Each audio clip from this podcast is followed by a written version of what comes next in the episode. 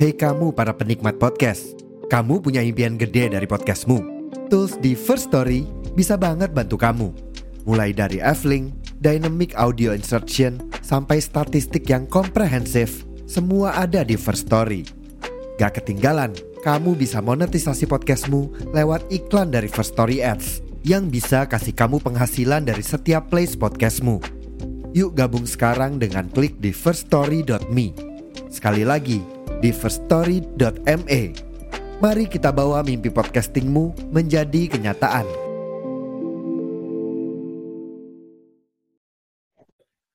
Jadi uh, barusan banget itu di tempatku hujan. Nah, hujannya lumayan deras dari ada dari sore mungkin ya. Ini kita take uh, recordnya malam dan ternyata pas malam air meluap di mana-mana akhirnya banjir gitu. Nah ini ngomong-ngomong soal banjir, hal yang sering terjadi juga di tempat para kru melisankan pikiran tinggal. Jadi kita akan coba bahas malam ini. Kali ini aku nggak sendiri teman-teman, aku ditemani sama Pak Gilang. Halo, Pak. Nah, Halo. ada Farha. Halo. Dan Darmawan. Halo. Nah, untuk mengawali obrolan kita tentang banjir, mungkin masing-masing dari kita bisa kasih testimoni dulu gak ya? Siapa tahu punya pengalaman yang menarik soal banjir. Mungkin dari Pak dulu ada pengalaman apa Pak dengan banjir? Pengalaman dan soal banjir ya. Karena misalnya di sini yang paling lama Iya, di kota Samarinda saya ya, yang paling paling ya. lama di antara lainnya. Iya. Um, banjirnya udah banyak ya. Maksudnya kalau dihitung-hitung tuh tahun selalu banjir, bahkan tiap hari kalau misalnya hujan banjir.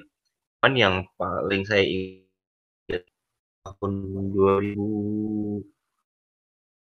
saya atau 14 saya lupa. Jadi di Samarinda tuh pernah kejadian banjir besar banget. Banjir besar banget Terus kemudian, uh, waktu itu saya ingat banget, saya naik motor, waktu itu naik motor, uh, waktu itu jem ngejemput adik saya, dua adik saya gitu kan sekolah. Saya juga masih SMA, eh enggak deh, saya kuliah kalau nggak salah, ya kuliah kayaknya. Nah itu, um, naik motor, yang tiga, ya adik saya depan, terus yang satu lagi di belakang gitu. Yang tiga dan awalnya sih mikir oh, mendung doang tuh. Nah, mendung kayaknya nggak apa-apa deh gas aja gitu. Nah, udah mulai rintik-rintik tuh ah nggak apa-apa deh. Sampai di jembatan di jembatan Mahakam itu tiba-tiba hujan deras deras banget. Derasnya parah banget langsung kayak ya udah kayak hujan badai gitu kan. Nah itu parah banget sampai akhirnya waktu itu kita modal nekat ya nggak ada pakai jas hujan dan lain sebagainya udah modal nekat aja. Terus adik saya udah gemeter-gemeter tuh udah kedinginan dan segala macam. Nah, akhirnya kita stop di um, apa namanya um, di warung gitu. Warung gitu kita stop. Terus ya ya udah mau lanjut nggak? Ternyata pas mau dilanjutin kita coba lanjut lagi. Kita coba mau lanjut lagi mau jalan lagi. Dan hujannya tuh bukannya reda tapi malah tambah deras. Nah, sampai akhirnya tuh puncaknya tuh banjir di mana-mana. Pokoknya lumpuh deh sama lumpuh. Nah, akhirnya saya mutusin, ah nggak bisa nih. Nah, kalau nekat, ya motor bakal tenggelam. Gitu. Dan Martin tuh bakal bisa ke mana-mana juga. Ini ya, ya udah motor saya drop di salah satu hotel gitu ya, salah satu penginapan di Samarinda gitu kan. Ya, saya minta ditelepon minta minta telepon ke orang tua saya itu bapak masih ada saya telepon bapak jemputin gitu jemputin kita bertiga karena kan resiko banget akhirnya bapak ngejemputin tapi akhirnya sepanjang jalan itu banjirnya banjir parah banget dan kebetulan syukurnya itu bapak uh, punya mobil double garden nah, oh. double garden yang tinggi gitu kan jadi ya uh. Uh, ketolong kalau enggak nggak tahu deh mungkin saya nginep kali parah banget oh. nah, itu sih dari saya itu yes. dulu ntar lanjut kita bisa ngobrol lanjut uh, gitu selanjutnya mungkin Farha udah udah beberapa lama kan di Samarinda lumayan lah ya hmm, udah yeah. Mungkin boleh ceritakan pengalaman banjirnya. Hmm, gimana ya? Mungkin ini nggak jauh-jauh dari uh, mungkin teman-teman tahu kalau daerah tempat uh, yang di bawah flyover di Samarinda itu sering banget banjir. Jadi kalau dari aku itu kan ya nggak jauh uh, berbeda dari mungkin nanti bakal ada cerita dari Acang dan juga Evan juga. Nah jadi pas aku pulang dari kampus itu banjir. Nah terus kan uh, abis kelas offline itu bakal lanjut kelas online. Nah aku sama teman aku itu buru-buru banget pulang biar nggak kejebak banjir. Ternyata tetap kejebak banjir dong. Jadi kita uh, terpaksa kayak uh, ya mungkin ini kesalahan kita ya. kita uh, pakai jalur yang sebelah kanan kan harusnya kalau misalnya balik itu sebelah kiri ya. Jadi jadi kita uh, pakai arus yang berbalik berbalik ke arah buat motong uh, jalanan yang banjir itu. Jadi gimana ya? Susah juga sih ya namanya kayak di situ juga tempatnya lumayan dalam banget kalau di bawah flyover itu. Jadi ya mau nggak mau kita juga mau kelas offline gitu kan. Jadi pengen cepet-cepet di rumah aja. Daripada lama-lama di kampus nanti nggak apa ya makin dalam lagi banjirnya. Terus juga itu lucu banget sih. Jadi menurut aku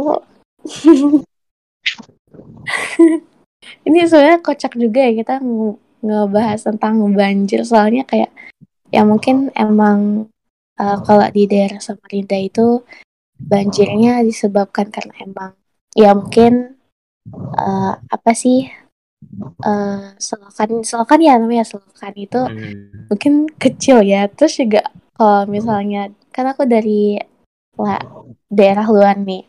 Kalau aku perhatikan selokan di Samarinda itu kayak nggak dalam.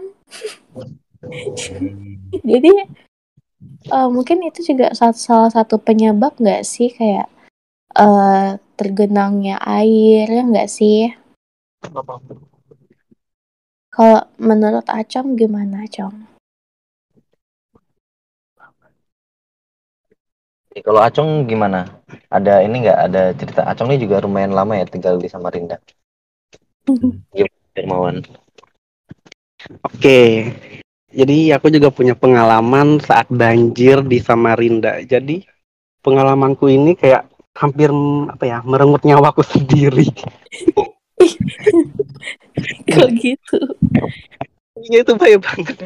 Jadi waktu itu aku lagi jalan-jalan ke mana ya namanya Lembuswana pasti orang-orang Samarinda tahu Lembuswana suka banget banjir di situ.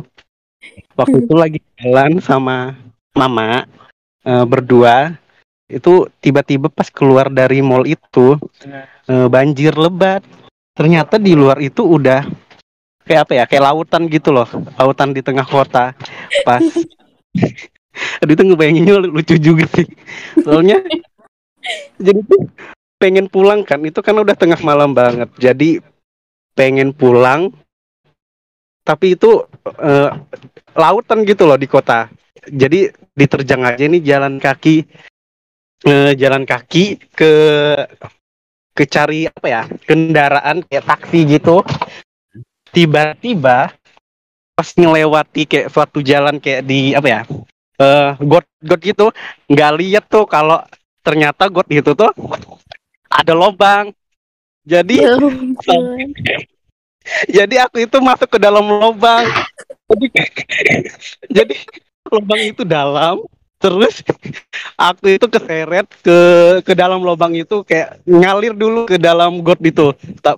Terus di situ banyak orang yang nolongi. Itu sempat apa ya masuk ke dalam got itu nyangkut di dalam.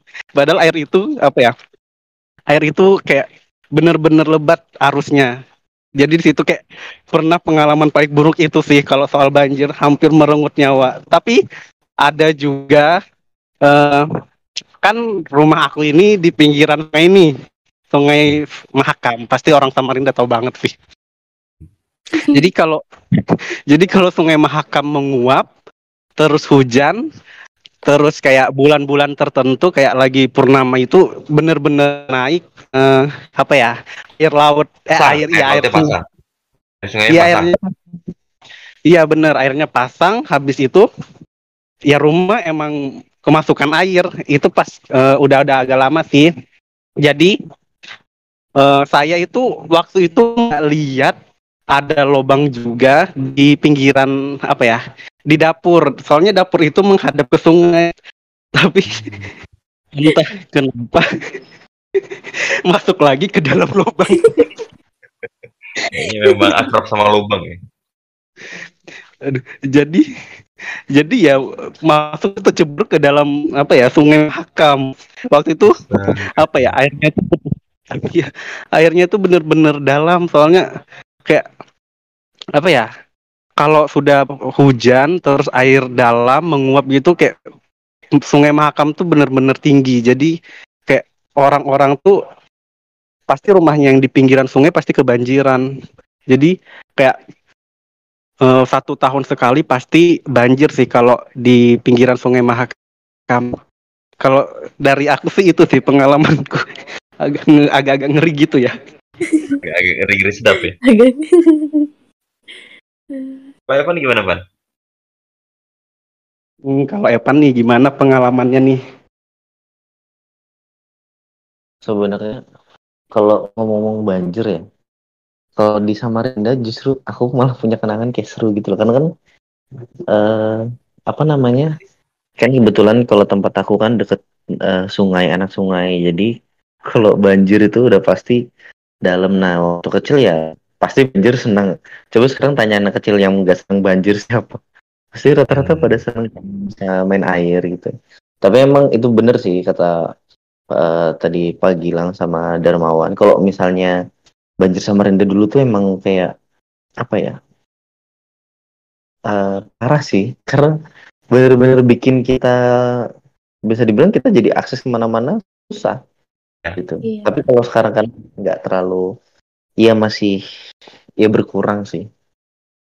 Gitu. Hmm. Nah tapi tapi eh, ini nggak setuju nggak kalau misalnya tempat kita ini harus berbenah karena sebentar lagi sebentar lagi kan eh, ibu kota negara juga bakal pindah di eh, daerah kita kan. Kalau menurut eh, Pak Gilang gimana? Hmm, sebagai orang Samarinda dan teman-teman juga mungkin kalau di sini Darmawan ya yang orang asli Samarinda gitu. Kalau Farah kan pendatang. Kalau Evan kan nomaden ya. Eh, kalau misalnya saya sih melihat ke sini, saya takut ntar ya, takut ini macam-macam ntar di hal-hal tertentu yang gak enak ya. Sebenarnya berat juga sih ngomongin, cuman emang harus di ngomongin juga. Jadi kalau misalnya di kota kita di Samarinda sih sebenarnya yang menjadi problemnya adalah kalau untuk eh, pengelolaan banjirnya sebenarnya sudah dilakukan terus terus menerus gitu ya kayak perbaikan jalan terus habis itu lebaran apa namanya Iya, road gitu-gitu Iya. Tapi tata kotanya yang masih semrawut. Iya sih. Nah, plus ditambah kesadaran masyarakatnya. Kalau misalnya sekarang sudah lumayan ya. Maksudnya di daerah taman-taman gitu udah jarang banget kita lihat sampah-sampah berserakan eh, berhamburan di, di sana sini gitu. Tapi kalau di pinggir jalan nah itu yang jadi masalah. Atau bahkan eh, di gang atau eh, pokoknya jalan-jalan kecil deh coba boleh lihat di kiri kanan selokannya gitu pasti masih banyak sampah terutama sampah plastik Nah, itu jadi problem sebenarnya yang harus ditangani. Jadi ya masalah sampah sama tata kota sih yang harus diselesaikan.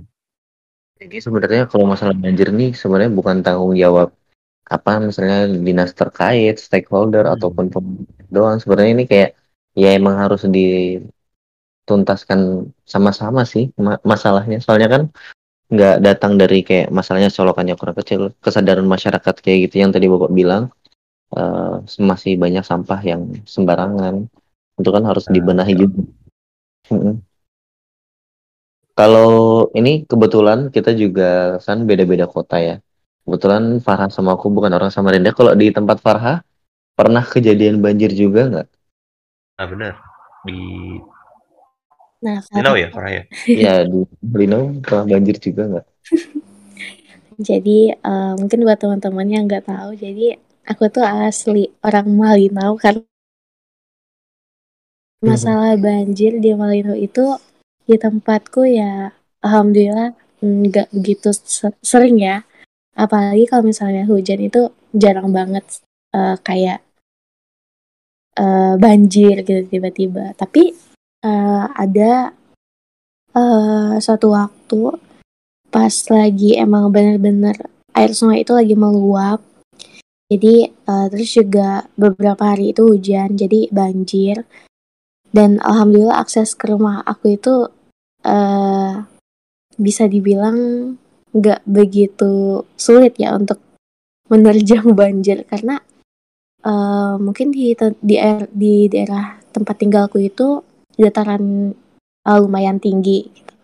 Kalau misalnya di dataran rendahnya itu kayak eh, di bagian kotanya itu sering banget banjir, terus ya susah susah buat jalan ke mana-mana gitu. Misalnya eh, aku nih eh, akses ke rumah sepupuku itu kan harus lewatin kota ya.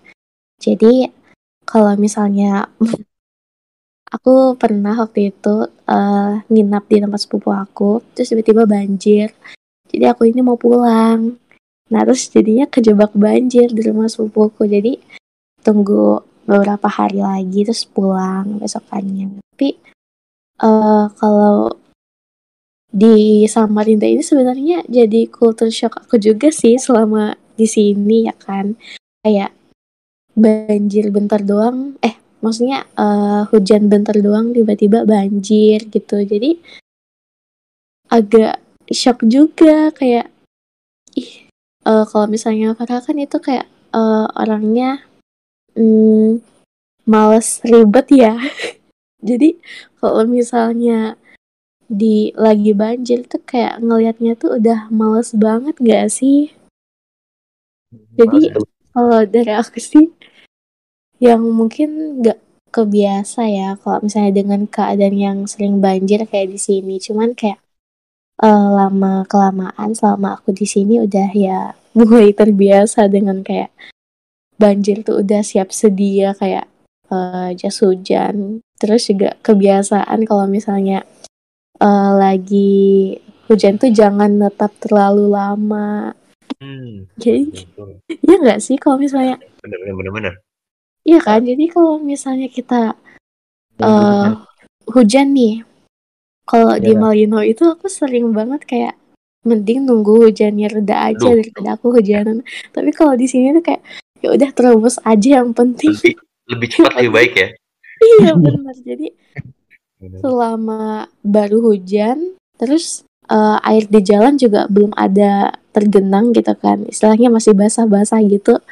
Ya udah gas aja gitu. Yang penting ya meskipun basah kuyup tapi ya semoga nggak dapat banjir itu eh hal yang dapat yang bisa diapresiasi lah sampai rumah tanpa melewati banjir.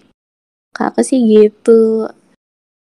Iya, bener juga sih kalau misalnya emang em, soal banjir ya agak unik sih sebenarnya kalau misalnya kita kan tadi Farah tuh cerita gitu kalau misalnya di eh, Malinau gitu kan kalau di Malinau itu lebih udah kalau misalnya hujan mending berteduh dulu tapi kalau cara di Samarinda mending pulang segera Iya, biar gak kebanjiran iya, Iya benar. Iya, iya memang harus gitu kalau di Samarinda. Soalnya kalau nunggu hujannya habis, ya selamat banjir. banjir banjiran Iya. gini deh. Eh, teman-teman kalau misalnya saya lihat gitu ya itu kepikiran gini deh. Kayaknya Samarinda itu bukan kota tepian deh. Tapi kayaknya kota banjir. Karena sering banjir. Karena sering ba- saking ba- sering banjirnya gitu ya. Emang kayak kalau kota-kota lainnya kan ya ya udah terkenal karena padatnya gitu kan. Tapi kalau misalnya kita itu sebenarnya gini, eh, hujannya tuh cuman perihal satu jam atau satu setengah jam gitu ya. Tapi udah banjir tinggi banget ya nggak sih? Iya, iya kemarin Pak baru-baru aja di tempat saya itu memang lagi pembangunan ini sih apa namanya yang di pinggir sungai itu turap ya kan lagi pembangunan Hmm. tuh jadi kayak beberapa selokan yang harusnya ngalirin air ke sungai itu mungkin ada yang tertimbun atau apa itu bener-bener hujan satu jam itu udah setengah betis saya. Jadi kayak mobil saya kan rendah ya Pak. Itu harus kayak saya ungsikan segera supaya nggak masuk air.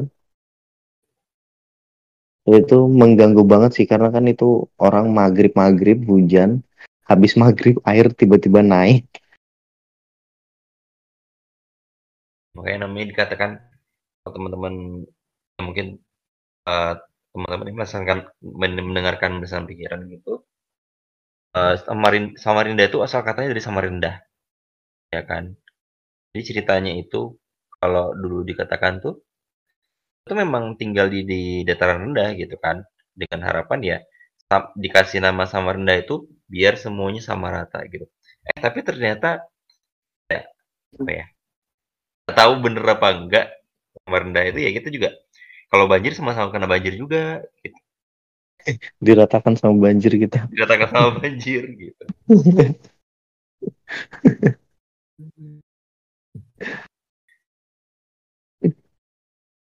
Apalagi yang kayak rumah Darmawan ya. Rumah Darmawan Iya. kan juga pinggir ini ya, pinggir sungai ya. Iya, pinggir sungai. Kalau itu kalau sudah pasang tuh udah rumah-rumah tuh orang-orang udah pada banjir. Apalagi tambah hujan. Tapi Darmawan kalau misalnya ini eh hujan gitu atau misal banjir kan ya rumahnya dekat sungai gitu. Seneng berenang gak sih? Seneng mandi hujan gak sih? Malah gimana? hujan kayak gitu malah berenang di sungai makam. Saya senang tuh mandi sungai. soalnya soalnya ramai kalau mandi di sungai lagi hujan-hujan itu kayak banyak apa ya orang-orang malah keluaran eh, mandi. Soalnya air di sungai itu kalau hujan hangat. Jadi kayak gitu. Masalahnya hangatnya bukan ada campuran-campuran yang lain tuh soalnya. tuh. Tawar langit. Agak beda ya Darmawan ini. Iya. Gak beda. Tapi ya mungkin ini sih. Em, kalau tadi kan saya sempat kasih tahu kalau misalnya masalah problem utama yang perlu diselesaikan itu soal em, tata kota sampahnya. Nah, kalau dari teman-teman gimana? Apa yang perlu diperbaiki dari masalah kota kita ini? Dari Darmawan dulu selaku anak sungai.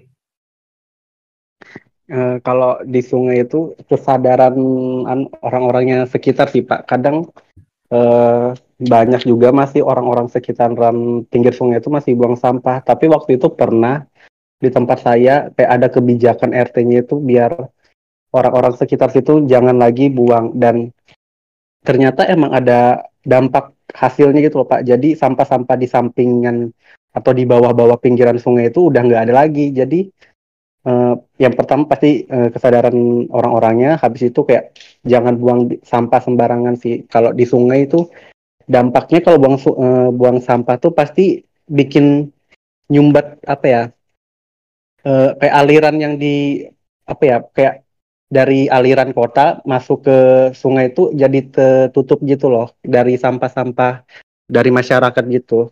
Jadi emang harus sampah dan kesadaran masyarakatnya sih Lagi-lagi masalah sampah. Nah, kalau misalnya Evan, sama sih tata letak kota sampah sama satu lagi sih kita harus sering-sering bersihin selokan kayaknya. Karena kan kita kan debu di tempat kita juga lumayan banyak ya Pak.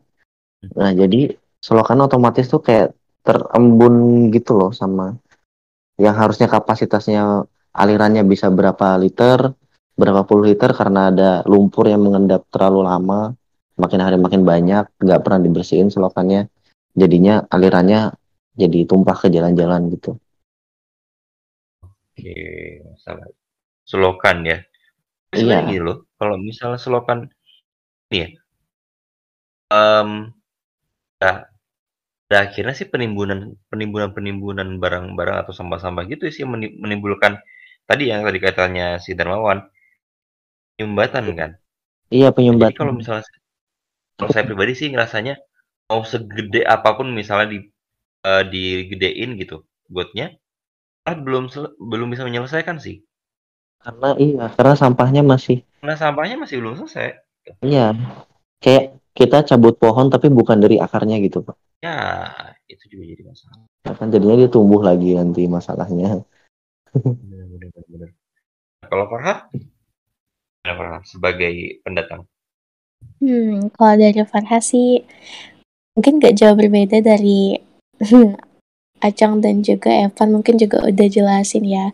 Terus juga eh, tata kotanya juga mungkin eh bisa lebih di gimana ya? Mungkin bisa diperbaiki lagi dengan ya kayak eh, daerah-daerah yang mungkin rawan banjir itu selokannya di besarin lagi atau eh, maksudnya didalamin lagi biar juga apa ya kalau misalnya banjir itu eh, misalnya hujan airnya itu nggak tergenang. Soalnya kalau misalnya eh, selokan itu cuman ya ibarat kata kayak semata kaki lah atau cuman sebetis itu kayak kurang. Jadi eh, mungkin bisa didalamin lagi. Terus juga eh, kesadaran dari masyarakat masyarakatnya juga kayak tentang buang sampah yang mungkin dianggap sepele banget gitu.